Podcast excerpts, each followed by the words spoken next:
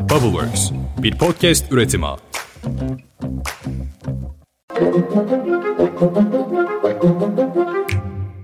Merhaba, bugün 29 Aralık 2022, ben Özlem Gürses, yılın son perşembesi. Yarın Cuma hengamesinde kendimizi unutmadan önce tek başına yürüyüşe çıkıp bu yıl yeni yıldan beklediklerini, öğrendiklerini hatırlamak için harika bir gün öyle değil mi? Dünya hali başlıyor.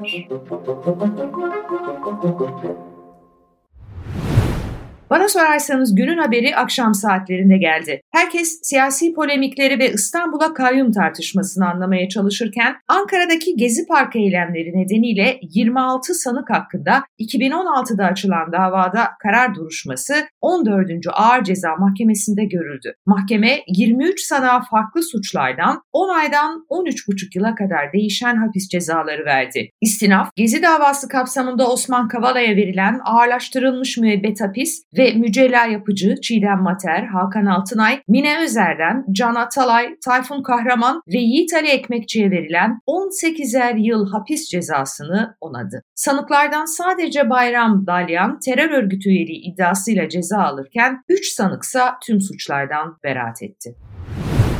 Dün bütün gece Kılıçdaroğlu Akşener görüşmesi nasıl geçti, masa dağıldı mı kaldı mı sorusunun peşinde koşuyorduk. Bakın bir anda gündem nasıl da değişti. Bu konular unutuldu bile. İstanbul Büyükşehir Belediyesi Başkanı Ekrem İmamoğlu sabah erken saatlerde kameraların karşısındaydı ve yönetimi için başlatılan terör soruşturmasını anlattı. İmamoğlu'nun verdiği bilgilere göre soruşturma AK Parti Mersin adayı olmuş Arif Yıldırım isimli bir müfettiş tarafından yürütülüyor. Aynı müfettiş İmamoğlu'nun Beylik Beylikdüzü Belediye Başkanlığı döneminde de onlarca soruşturma açmış, hiçbirinden bir sonuç alamamış. Ekrem İmamoğlu basın toplantısında terörle iltisaklı denilen binlerce personeli için İçişleri Bakanlığı'ndan adli inceleme istettiğini, bir yıldır tek bir cevap alamadığını da anlattı.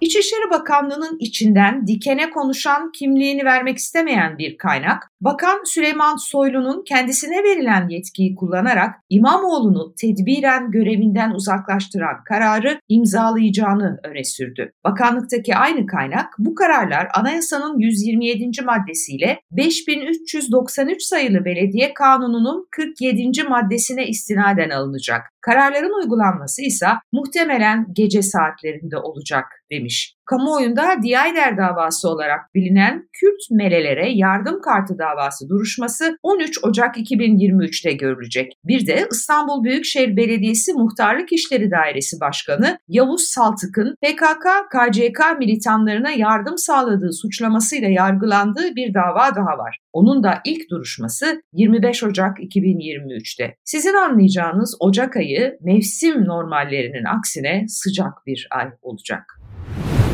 Ekrem İmamoğlu'nun sabahki basın toplantısının ardından bu kez Süleyman Soylu bir karşı basın toplantısı yaptı ve yine çok acayip bir iddia attı ortaya. Ekrem İmamoğlu'nun kendisini aradığını ve saygılarımla diyerek kendisinden bir talepte bulunduğunu anlattı. Devamı tam olarak şöyle. İstanbul Büyükşehir Belediye Başkanı beni aradı ve dedi ki Cumhuriyet Halk Partisi Genel Merkez zaten bana karşı biz hemşeriyiz. Ne olursun beni onlara ezdirme. Ama hayatı iki yüzlülük olduğu için ve yalan olduğu için bunu elbette söyleyemez. Evet açıklaması böyle Soylu'nun. Ekrem İmamoğlu bu iddiaya bir başka açıklamayla yanıt verdi ve bir tweet yazarak iddianı ispatla, telefon dinleme olanakları sende, HTS kayıtları sende, istihbarat sende, ispatlayamazsan sen, aksi durumda ben istifa ederiz, hodri meydan dedi. Meral Akşener de bu akşam paylaştığı türkülü bir videoyla sosyal medyanın gündemindeydi. Evinden kaydedilmiş olan bu videoda İyi Parti Genel Başkanı Meral Akşener gençlere sesleniyor kendisine yazılan binlerce mailden bahsediyor ve umutsuzluğa kapılmayın az kaldı. 13. Cumhurbaşkanı bizim aday göstereceğimiz kişi olacak diyor. Ama asıl mesaj arkada çalan türküde. Musa Eroğlu söylüyor ve en sevilen türkülerinden birini söylüyor hem de. Bana ne yazdan bahardan, bana ne borandan kardan, aşağıdan yukarıdan yolun sonu görünüyor. Geçtim dünya üzerinden, ömür bir nefes derinden, bak feleğin çemberi üzerinden yolun sonu görünüyor. E, burası Anadolu, Türkiye. Burada şiirsiz, türküsüz siyaset olmaz, olamaz. Altılı Masa bu işlerle meşgulken iktidar söz verdiği gibi EYT düzenlemesini çıkarttı. Akşam saatlerinde kameraların karşısına geçen Cumhurbaşkanı Erdoğan müjdeyi verdi ve yaş şartı olmadan emekliliğe imkan sağlayan düzenlemeyi eski sistemdeki SSK, Bağkur, emekli sandığı olmaksızın mevcut yapıdaki herkes için geçerli kılıyoruz dedi. Bu kapsamda 2 milyon 250 bin vatandaşımız emekli olacak. Emekli olup çalışmaya devam edeceklere de sigorta prim teşviki geldi. Buna göre işverenlerin kıdem tazminatı ödemelerinde güçlük çekmemeleri için KGF destekli bir kredi paketi devreye alınacak. Böylece emekli olup çalışmaya devam edeceklerin bunu kayıtlı olarak sürdürmeleri de garanti altında olacak. Açıklamaların ardından E-Devlet çöktü. Milli Savunma Bakanı Hulusi Akar ve MİT Başkanı Hakan Fidan, Rusya'nın başkenti Moskova'da Rus ve Suriyeli mevkidaşlarıyla görüştü. Söz konusu görüşmeyle birlikte Suriye liderleriyle 11 yıl sonra ilk temas gerçekleşmiş oldu. Milli Savunma Bakanlığı'ndan görüşmeye dair bir açıklama da geldi. Bakanlık açıklamasında diyor ki, Türkiye, Rusya, Suriye savunma bakanlarıyla istihbarat başkanları toplantısı gerçekleşti. Bu toplantılarda Suriye krizi, mülteci sorunu ve Suriye topraklarındaki terör örgütleriyle ortak mücadele başlıkları ele alındı. Evet bu gerçekten bence çok hayati kritik bir gelişme. 11 yıl sonra bakın bu buluşma gerçekleşiyor. Çok yakında iktidarın belki de on binlerce Suriyeli sığınmacıyı, mülteciyi sınır dışı ettiği görüntülerini bütün televizyon ekranlarından izleyebiliriz. İsrail'de yeni başbakan olması beklenen Benjamin Netanyahu öncülüğündeki ülke tarihinin en aşırı sağ koalisyonu meğer İstanbul Sözleşmesi'ne katılmamak için anlaşmış. Avrupa Konseyi İsrail'in sözleşmeye katılma başvurusunu Nisan'da onaylamıştı. Ancak anlaşmanın imzalanmasına ilişkin kabine oylaması sağcı muhalefetin itirazları nedeniyle defalarca ertelenmişti. Haaretz gazetesinin aktardığına göre tamamen sağ partilerden oluşan bu koalisyon vardıkları anlaşmada yeni hükümetin İsrail'in İstanbul Anlaşması'na katılımını onaylamayacağını açıkça belirtmiş.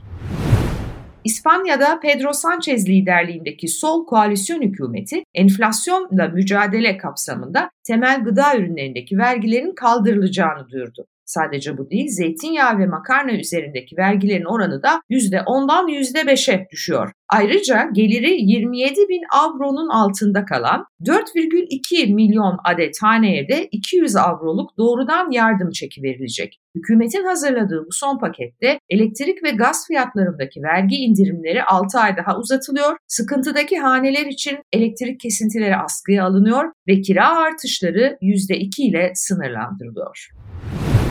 Afganistan'ın Kabil Üniversitesi'nden bir profesör Afgan kadınlara yönelik üniversite yasağını protesto etmek için canlı yayında diplomalarını yırttı. Sosyal medyada paylaşılan videolarda profesör bugünden itibaren bu diplomalara ihtiyacım yok çünkü bu ülkede eğitime yer yok. Kız kardeşim ve annem okuyamıyorsa bu eğitim ve diplomaları kabul etmeyeceğim diyor. Japonya'nın Osaka eyaletinde akıllara durgunluk veren bir olay yaşandı. Bıçaklandım diyerek polisi arayan bir kişi meğer işe gitmemek için kendini bıçaklamış. İsmi açıklanmayan şahıs arkamdan gelen biri tarafından bıçaklandım diyerek yardım talebinde bulunmuştu. Ama cinayete teşebbüs şüphesiyle soruşturma başlatan polis bütün bu araştırmaların ardından şahsın olay yerinde tek başına olduğunu tespit etmiş. Sağlık durumunun iyiye gitmesinin ardından sorgulanan şahıs işimden çok sıkıldım, işe gitmemek için yaptım demiş. Nasıl?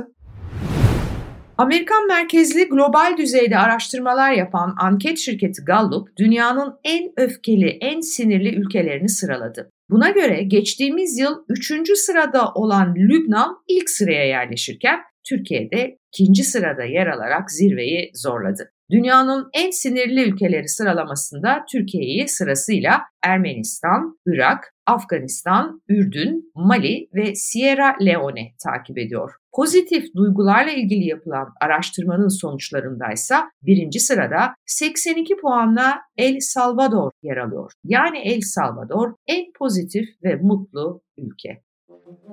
Ne güzel. Darısı başımıza kim bilir belki 2023'te. Yarın Cuma, yılın son Cuması. Ama sabahın kör saatlerinde, en karanlık saatlerinde kulaklarınızda yine beni bulacaksınız. Sıkıcı bir gündemi sizin için daha anlaşılır ve dinlenir yapmaya çalışacağım. Yarın görüşünceye dek. Hoşçakalın.